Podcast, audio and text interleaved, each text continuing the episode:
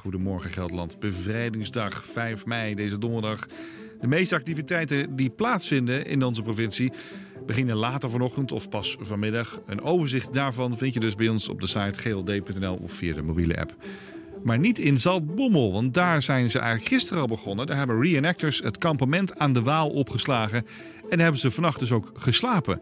Ze spelen een groep legertechnici na. Dus uh, bruggenbouwers, een, uh, uh, communicatiespecialisten. Mensen zonder wie een leger al snel zou verzanden en niet meer verder zou kunnen. Verslaggever Vera IJsink is een kijkje gaan nemen hoe ze daar de geschiedenis levend houden. En ze zei net al in mijn oor, het is zo'n mooi plaatje Frank hier nu aan de Waal. Schitterend hè? Zeker. En luister maar mee hoe ze klaar worden gezet hier. Engineers, vol in.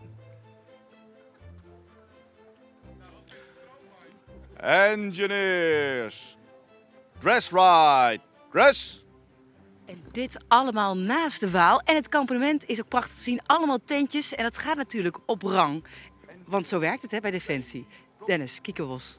Ja, zeker werkt dat zo. En uh, net zoals in de Tweede Wereldoorlog. En dat laten we zien. We gaan ook terug in de tijd, want alles straalt die tijd uit hier. Ja, we gaan uh, met het uh, WO2-kampement hier uh, aan de Waal gaan we terug in de tijd om te laten zien hoe ze dat vroeger deden. En het mooie is, we staan bij de keuken. Ik, het is ook een grappig gezicht. Alles natuurlijk leger groen. En dan hebben we hier limonade. Ja, we hebben hier limonade staan voor de mannen, zodat ze genoeg drinken vandaag. Suikers zijn belangrijk, want er wordt hard gewerkt. Maar dat niet alleen, de keuken is ook van 44. Ja, we hebben veldkeukens in 1944 en daar gaan we vanmiddag en vandaag op koken uh, voor de bezoekers ook. En ze beginnen met uh, scrambled eggs. Ja, we zijn begonnen vandaag met scrambled eggs op de veldkeuken. Uh, benzinebranders, dus lekker dure stoken. En vanmiddag broodjes hamburgers en broodjes worst voor de bezoekers. En we gaan even verder kijken, want we zien natuurlijk, want er komt een waalcrossing. Want wat gebeurde er destijds in de oorlog? Destijds in de oorlog zijn er uh, hopen crossingen geweest uh, over de Waal. Uh, bijvoorbeeld in Nijmegen op 20 september 1944. Maar, maar hier ook, in Zaltbommel? Maar ook in Zaltbommel een hoop door het verzet. En dan zien we hier de bootjes opgestapeld liggen nog, want jullie moeten nog aan de bak. En dat zijn echt bakken. Ja, het zijn echt uh, bakken, uh, originele boten uit de Tweede Wereldoorlog. En uh, eigenlijk zo opgestapeld dat ze heel makkelijk te vervoeren zijn, makkelijk uit te laden zijn.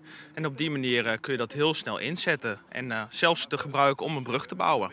Martijn Brandjes die nam me al even mee richting je tent, want daar gaat het ook weer terug. Maar u heeft wel de grootste of de beste. Ja, wij hebben de één na grootste. Dit zijn natuurlijk de grootste Want tenten. welke rang hebben we het dan over? Ik ben Stef Sergeant en uh, Dennis die is eerste luitenant. En dan heb je zelfs een beddengoed uit de Tweede Wereldoorlog. Jazeker, kunnen we wel even heen lopen natuurlijk. In de grote tenten, daar liggen ze met z'n allen. Veldbedjes zie ik al. Ja, dat zijn er al een flinke hoop. Dit is eigenlijk een officierstent. En het mooie is, op het punt van de tenten zie je de helmen ook. Ja. Is dat traditie? Ja, dat hoort wel zo. Op het moment dat je natuurlijk snel uh, in actie moet zijn, moet je in één keer je uitrusting kunnen pakken, helmpje op en dan uh, vol in de actie. Dus jullie boot zit echt helemaal na. En dan zijn we nu in de tent. En dan zie ik meteen al een, een wollen deken. Dat is wel lekker warm. Ja, die hebben we er als extra bovenop liggen. Maar we hebben ook originele donse slaapzakken met een hoes en een, en een bedding roll. Dat is een hoes nog weer over de slaapzak heen. Dus wij hebben heerlijk warm geslapen vannacht.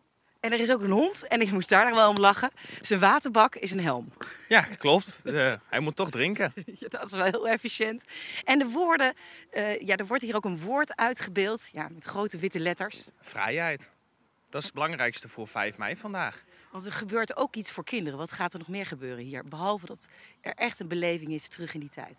Ja, we hebben er hoop aan gedacht. En het le leukste is om uh, de activiteiten voor de kinderen te doen. Dus er is een stormbaan. Ze kunnen de letters vrijheid kunnen ze schilderen. En ze kunnen eigenlijk het belangrijkste heel veel activiteiten doen.